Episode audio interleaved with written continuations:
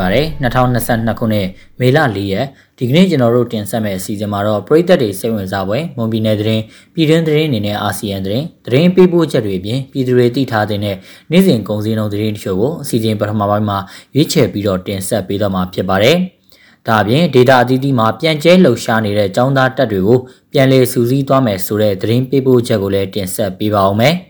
ဒီကနေ့စီစဉ်မှုကတော့ကျွန်တော်ခန့်မြတ်သူကတာဝန်ယူတင်ဆက်ပေးတော့မှာဖြစ်ပြီးကျွန်တော်နဲ့အတူမိအိုင်ဘလော့ကသတင်းတွေကိုကူညီဖတ်ကြားပေးတော့မှာပါ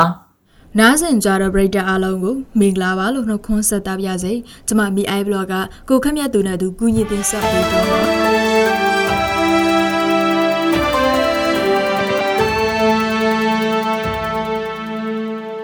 မွန်ပြည်နယ်မူရုံမြို့နယ်ကွမ်တာကြီးရွာကရှင်မြန်မာရာဘာစက်ရုံမှာဒီကနေ့မနက်6နာရီခွဲလောက်ကနေ9နာရီခွဲလောက်ထိ3နာရီကျော်ကြာမီးလောင်ခဲ့တယ်လို့လူမှုကယ်ဆယ်ရေးအဖွဲ့တွေကပြောပါတယ်။ရာဘာစက်ရုံမီးလောင်မှုမှာတွားရောက်ကူညီခဲ့တဲ့လူမှုကယ်ဆယ်ရေးအဖွဲ့ဝင်၄ယောက်နဲ့စက်ရုံလုပ်သား6ယောက်စုစုပေါင်း10ယောက်ဟာမိခိုးမှုန်တာကြောင့်အသက်ရှူချက်မူလဲသွားတယ်လို့မော်လမြိုင်စေးရုံနဲ့ပုဂ္ဂလိကစေးရုံတချို့ကိုပုတ်ဆောင်ထားပြီးအသက်အန္တရာယ်မစိုးရင်ရဘူးလို့လူမှုကယ်ဆယ်ရေးအဖွဲ့တာဝန်ရှိသူတွေကပြောပါတယ်။ ရာဘာ6ခန်းနဲ့ဘွိုင်လာအိုးအဆောင်ကနေစတင်မီးလောင်ကျွမ်းခဲ့တာဖြစ်ပြီးမီးလောင်မှုကြောင့်စက်ရုံအဆောက်အုံတချို့နဲ့ရာဘာပေါင်ချိန်ထောင်နဲ့ချီပျက်စီးဆုံးရှုံးခဲ့ပါတယ်။ မွန်ပြည်နယ်အတွင်းမှာပြီးခဲ့တဲ့ဧပြီလနောက်ဆုံးအပတ်ကစပြီးစားအုံးစီဈေးနှုန်းတွေဆက်တိုက်ပြလမြင့်တက်လာခဲ့တယ်လို့စားအုံးစီရုံးဝယ်နေသူတွေကဆိုပါတယ်။ဧပြီလအစောပိုင်းကစားအုံးစီဈေးနှုန်းတွေအနှဲငယ်ပြန်ကျလာခဲ့ပေမဲ့ဧပြီလနောက်ဆုံးပတ်ကစသည်ပြီးဈေးနှုန်းပြလမြင့်တက်လာခဲ့တာလို့ဈေးကြိုကောင်စီတိုင်းမှာစားအုံးစီရုံးချနေသူတို့ကဆိုပါတယ်။စားအုံးစီဈေးတွေက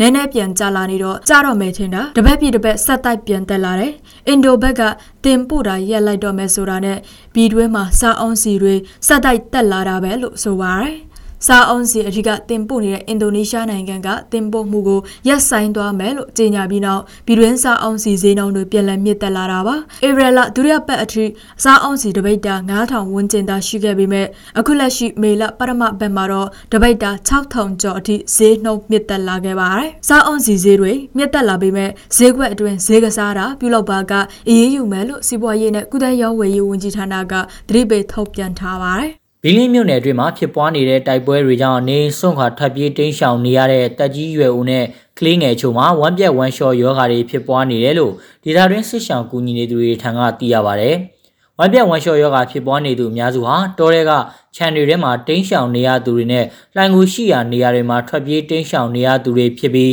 အဲ့ဒီဝမ်းပြက်ဝမ်းလျှော်ယောဂါဖြစ်ပွားသူတွေအတွက်စီဝါအကူအညီတွေလိုအပ်နေတယ်လို့စစ်ဆောင်ရေးကူညီနေသူတို့ကဆိုပါတယ်။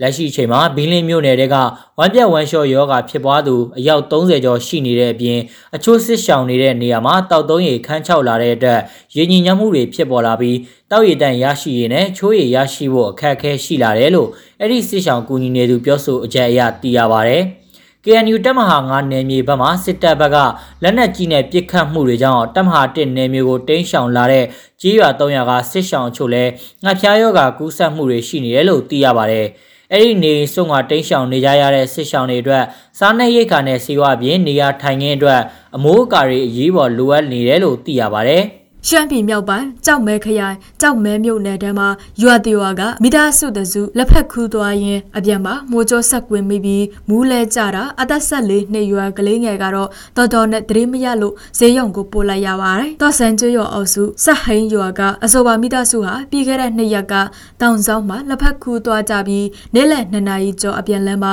မိုးတွေရွာလျှက်စီးပြက်ပြီးမိုးကြိုးပစ်တာကြောင့်မိုးကြိုးဆက်ကွယ်မိသွားတာလို့တွားရောက်အကူအညီပေးခဲ့တဲ့နတ်ခော့ရှမ်းများပရဟိတအသင်းကြောင့်မဲ့တင်ကွဲတင်းဝင်သူကပြောပါရယ် မိသားစုတော်ဦးနဲ့အတော်ဖြစ်သူတို့လက်ဖက်သွားခူးကြတာဖြစ်ပြီးရှစ်ဆောင်ကသွားတဲ့သားဖြစ်သူကိုမိုးကြိုးထိမှန်ခဲ့တာဖြစ်ပါတယ်။သားဖြစ်သူမိုးကြိုးထိမှန်တာမြင်တော့ကြံတဲ့သူတွေမိတ်လဲသွားပြီးခဏကြာမှအမေဖြစ်သူပြန်လဲနိုးလာတယ်လို့ဆိုပါတယ်။မိုးကြိုးထိမှန်ခဲ့တဲ့ဆိုင်းထွန်းစော်ကတော့တော်တော်နဲ့တရစ်ပြန်မရလို့နတ်ခုံအတင်းကိုဖုံးဆက်အကူညီတောင်းခဲ့တာပါ။ကြောက်မဲစေယုံတို့ပို့ဆောင်ခဲ့ပြီးပြင်ပတန်ရမရှိဘဲအာယုံကျော်ထိသွားတယ်လို့ဆရာဝန်ကပြောပါတယ်။အခုတပတ်အတွင်းရှမ်းပြည်နယ်မှာမိုးသက်လေပြင်းကြတာလျက်စီးလျက်မိုးကြိုးပြစ်တာကြောင့်နေအိမ်အတော်များများခေါင်းမို့လန်ပျက်စီးတာတွေရှိခဲ့ပါတယ်။ထိုင်းမြန်မာနယ်စပ်ချင်းရိုင်းခရိုင်မဲဆိုင်မြို့နယ်ထဲမှာမြင်မာတဲ့နယ်စပ်တောင်တန်းကိုဖျက်ကျော်ပြီးတရားမဝင်ဝင်ရောက်လာတဲ့မြန်မာနိုင်ငံသား33ယောက်ကိုဖမ်းဆီးရမိတယ်လို့မဲဆိုင်ထိုင်းသတင်းမှာဖော်ပြပါတယ်။ထိုင်းနယ်ကြားဆောင်တပ်နဲ့အမှတ်နှစ်ခြေလင်တရင်တက်ကပူးပေါင်းတပ်ဖွဲ့တွေဟာမနေ့ကနေဆက်တခြားဥပဒေချိုးဖောက်မှုတွေစောင့်ကြက်စစ်ဆေးစဉ်မှာည 10နာရီခွဲလောက်မှာတော့ဝင်းဖန်းခန့်ကြေးရွာအုပ်စုဖာမီကြေးရွာကတောင်ကျောတနေရာမှာမတင်ကားစရာလူတစုခြေချင်းရှောက်လာတာကိုတွေးလို့တွားရောက်စစ်ဆေးခဲ့တာလို့ဆိုပါတယ်စစ်ဆေးချက်အရသူတို့အားလုံးကမြန်မာဘက်ချမ်းကနေဖာမီတောင်ကိုကြော်ဖြတ်ဝင်ရောက်လာကြောင်းအမျိုးသားအယောက်20နဲ့အမျိုးသမီး73ယောက်ပါဝင်ပြီးဘန်ကောက်မှာတွားရောက်အလုပ်လုပ်ဖို့လမ်းပြတအုပ်ကိုဘတ်2000ခွဲပေးရတယ်လို့ဆိုပါတယ် တာဝန်ရှိသူတွေကသူတို့ကို COVID-19 ရောဂါပိုးစစ်ဆေးပြီးဥပဒေအရအရေးယူဖို့တပ်ဆိုင်ရာရဲစခန်းကိုပို့ဆောင်လိုက်ပါတယ်။အလားတူထိုင်းနယ်စပ်တောင်ယာစိုက်ခင်းတွေထဲမှာလည်းတရားမဝင်ဝင်ရောက်ပုံခုနေကြပြီးသူတို့ဟာထိုင်းနိုင်ငံအတွင်းပိုင်းဘက်ကိုတွားပြီးအလုပ်လုပ်ရဖို့အခွင့်အခါကောင်းကိုစောင့်ဆိုင်းနေကြတယ်လို့မဲဆိုင်သတင်းမှာဖော်ပြပါတယ်။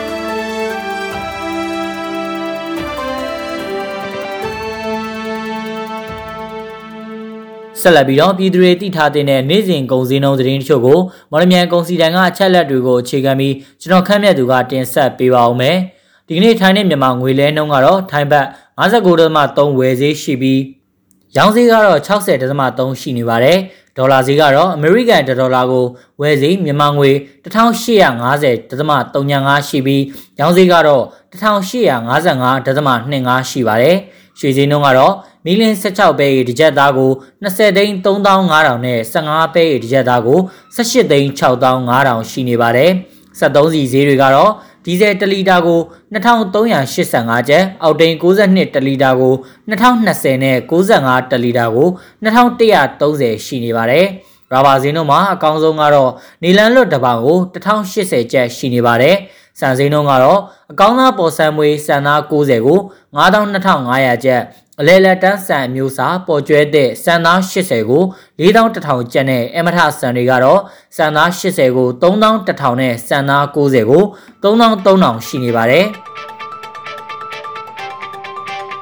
ကျမတို့ရဲ့မလန်းမြန်မာဖောက်ကမြန်မာဘာသာစီစဉ်ကိုအားပေးနားဆင်ကြတဲ့ပရိသတ်များရှင်ကျမတို့အတန်လို့စီစဉ်ကနေပြီးတော့မွန်ပြည်နယ်မှာဖြစ်ပျက်နေတဲ့သတင်းများပြည်တွင်းငင်းချဲရေးဖြစ်စဉ်များအပြင်မြန်မာနိုင်ငံတွင်းနဲ့အာဆီယံတွင်းများကိုအပတ်စဉ်တင်လာနေမှတောကြနေများတွင်ည9:00နာရီအချိန်တွင် Mon New Agency Facebook စာမျက်နှာတွင်ဝင်ရောက်နားဆင်နိုင်သလိုမလန်းမြန်မာဖောက်ကစာမျက်နှာတွင်လည်းဝင်ရောက်နားဆင်နိုင်ပါပြီအားပေးကြတဲ့ပရိသတ်များအားလုံးကိုကျေးဇူးတင်ပါတယ် အခုတင်ဆက်ပေးသွားခဲ့တာကမေလ၄ရက်နေ့မှာဖြစ်ပျက်ခဲ့တဲ့မွန်ပြည်နယ်သတင်းပြည်တွင်းသတင်းနဲ့အာဆီယံသတင်းတွေအပြင်တနေ့တာစီစေးငွေဈေးနဲ့ကုန်ဈေးနှုန်းတွေကိုတင်ဆက်ပေးသွားခဲ့တာပါဆက်လက်ပြီးတော့ဒေသအသီးသီးမှာပြန်ကျဲလှုပ်ရှားနေတဲ့ကျောင်းသားတက်တွေကိုပြန်လည်စူးစီးသွားမယ်ဆိုတဲ့သတင်းပေးပို့ချက်ကိုတော်တာကတင်ဆက်ပေးပါဦးမယ်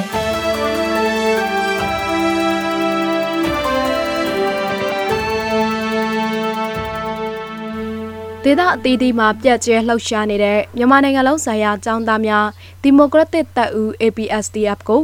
ပြန်လည်စုစည်းသွားမှာဖြစ်ကြောင်း ABSDF မှရဲဘော်စန်နီကပြောပါတယ်။လက်ရှိမှာ ABSDF ဟာမြန်မာနိုင်ငံအနှံ့ပြားမှာအခြားသောတော်လှန်ရေးလက်နက်ကိုင်တပ်ဖွဲ့တွေနဲ့ပူးပေါင်းလှုပ်ရှားနေကြောင်းသူကဆိုပါတယ်။ဒေသအသီးသီးမှာတော့ကျွန်တော်တို့တပ်တွေကတနိုင်ငံလုံးမှာမြောက်ပိုင်းတောင်ပိုင်းအနောက်ပိုင်းအရှေ့ပိုင်း အဲမြန်မာနိုင်ငံတနိုင်ငံလုံးမှာကျွန်တော်တို့တပ်တွေကတော့ရှိနေတယ်ဗျ။ဆိုတော့သူဒေသအခြေအနေနဲ့သူလှုပ်ရှားမှုနဲ့သူတိုက်ပွဲတွေကတော့ရှိနေနိုင်တယ်လို့ကျွန်တော်တို့အဲ့လိုပဲမြင်တယ်လေ။ yeah yeah ဆိုတော့ဘာကြောင့်လဲဆိုတော့ကျွန်တော်တို့တက်တွေက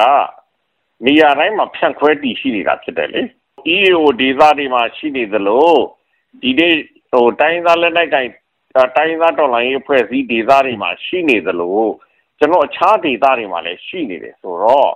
သူဒေသဆိုင်ရာအလိုက်အလုံးလုံးနေကြတာတွေကအများကြီးပဲဗျအဲ့ဓာတွေကိုလည်းကျွန်တော်တို့ပြန်ပြီးတော့မှစုစည်းနိုင်ဖို့ကိုကျွန်တော်လည်းစူးစမ်းနေတုန်းကာလမှာတော့ဒီနေ့ဖြစ်နိုင်ပါတယ်အများကြီးတော့ဟိုကျွန်တော်ဒီအတိအကျတော့အခြေအနေအတိအကျတော့ကျွန်တော်တို့က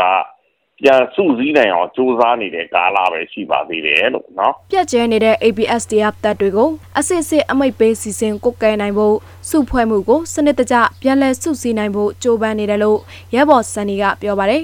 ပြီးခဲ့တဲ့နှစ်ရက်ကစကိုင်းတိုင်းဒေသကြီးအထက်ပိုင်းကတာမြို့နယ်မှာ ABSDF ဒေသကာကွယ်ရေးတပ် PDF ပူးပေါင်းတပ်နဲ့စစ်တပ်တို့ကြားတိုက်ပွဲတွေဖြစ်ပွားခဲ့ပြီးစစ်တပ်ဘက်ကထိခိုက်ကြဆုံးမှုတွေရှိခဲ့တယ်လို့သိရပါတယ်။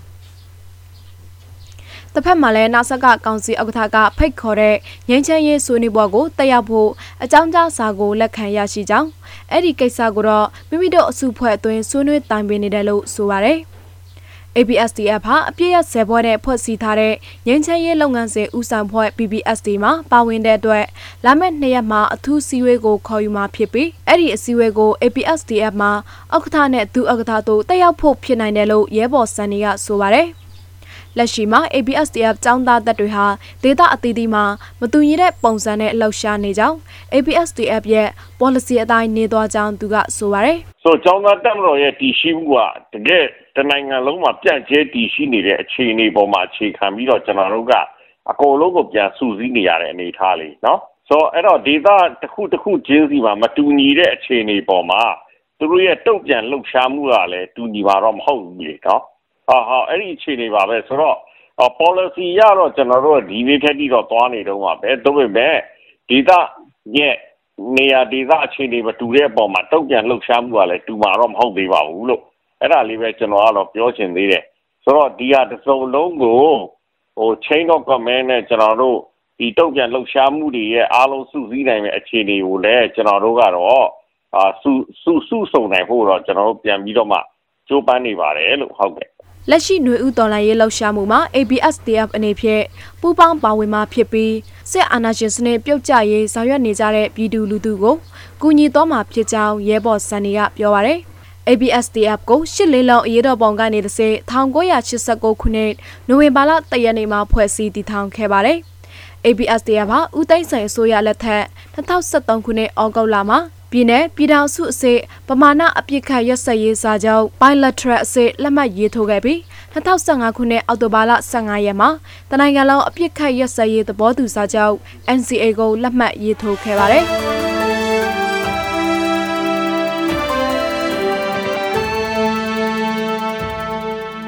ကျမတို့ရဲ့မွန်လဲမြန်မာပေါ့ကတ်စီစဉ်ဒီမှာတင်ပြီးဆုံးပါပြီ။နားဆင်ကြတဲ့ပရိသတ်အားလုံးကိုနောက်နေ့အစီအစဉ်တွေမှာဆက်လက်အားပေးကြပါအောင်လို့ဖိတ်ခေါ်ရင်းအစီအစဉ်ကိုအဆုံးသတ်ပါရစေ။အားလုံးကိုကျေးဇူးတင်ပါတယ်ရှင်။